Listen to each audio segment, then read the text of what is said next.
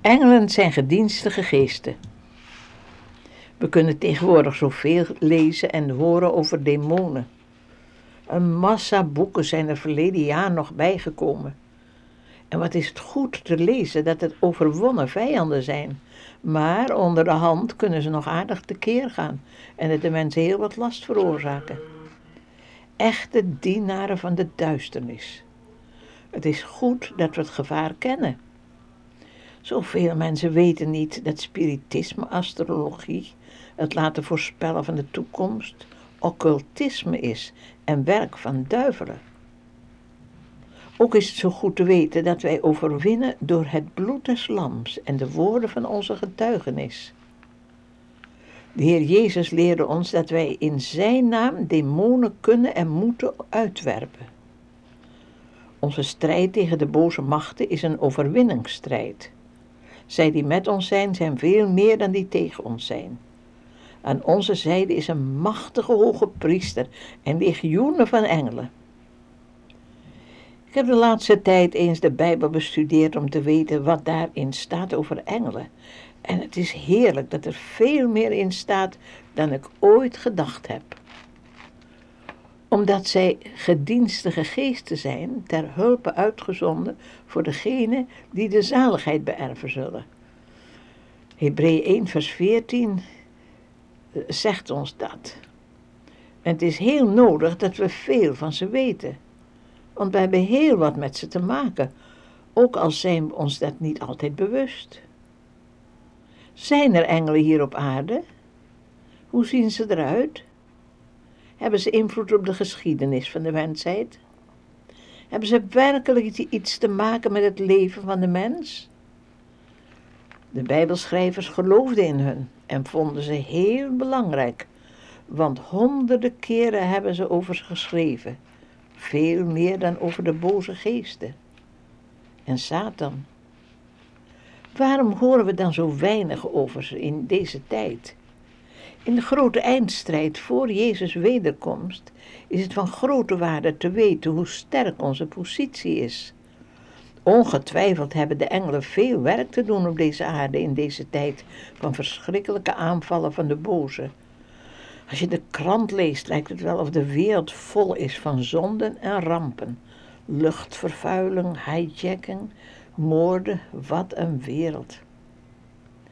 Wie is het die de wereld, deze wereld, overwint?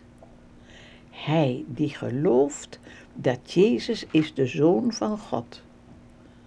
Dat zegt Johannes ons. En dat betekent dat u en ik, die in hem geloven, aan de frontlijn staan van de enorme strijd, niet tegen vlees en bloed, maar tegen de vertegenwoordigers van het hoofdkwartier van de duivel. Laten we zien welke geallieerde strijdkrachten aan onze kant staan. Satan komt soms in de vorm van een engel des lichts. Dus ook daarom moeten we goed kunnen onderscheiden. Zijn soldaten, de demonen, zullen dat zeker ook wel proberen. De Heer Jezus zei over wat zou gebeuren voor zijn wederkomst, dat als het mogelijk was, zelfs de uitverkorenen in de war gebracht zouden kunnen worden. Gelukkig staat er als het mogelijk was. Het is niet mogelijk. Onderscheiding der geesten hebben we nodig.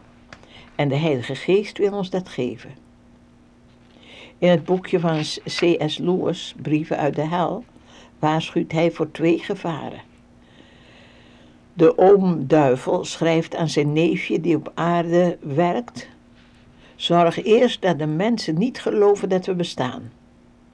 Dat is de eerste. Maar als de mensen dan wel weten dat we er zijn, dan werk zo dat ze een ongezonde belangstelling voor ons krijgen, veel over ons denken en praten en met ons bezig zijn. Nou, dat gebeurt heel veel in onze dagen. En wij gaan nu eens een paar radioboodschappen met het tegenovergestelde doen. We gaan over engelen spreken. En het is een heel wat beleidere studie dan uit te vinden wat de boze machten zijn en wat ze doen.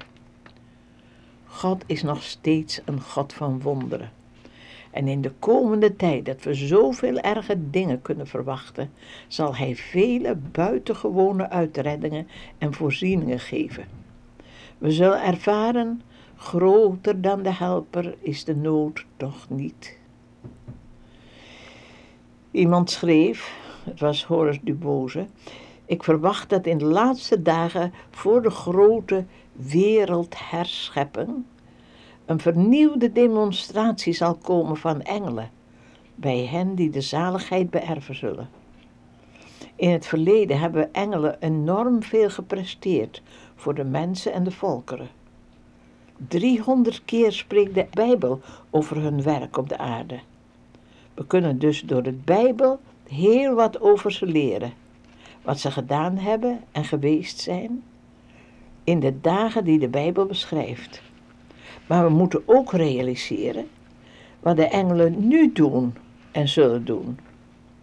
Hun tegenwoordigheid en actie zullen meewerken dat veel nederlaag veranderen gaat in overwinning. Laten we bidden.